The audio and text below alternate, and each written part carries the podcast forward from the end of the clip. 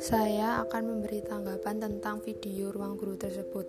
Nah, semua makhluk hidup itu memiliki warisan sifat kepada keturunannya yang disebut dengan materi genetik. Nah, materi genetik ini uh, sangat memegang peranan penting dalam proses pewarisan sifat seperti warna kulitnya, bentuk rambut, bentuk hidung, dan beberapa jenis penyakit lainnya. Nah, materi genetik ini terbentuk dari DNA dan juga RNA. Terima kasih.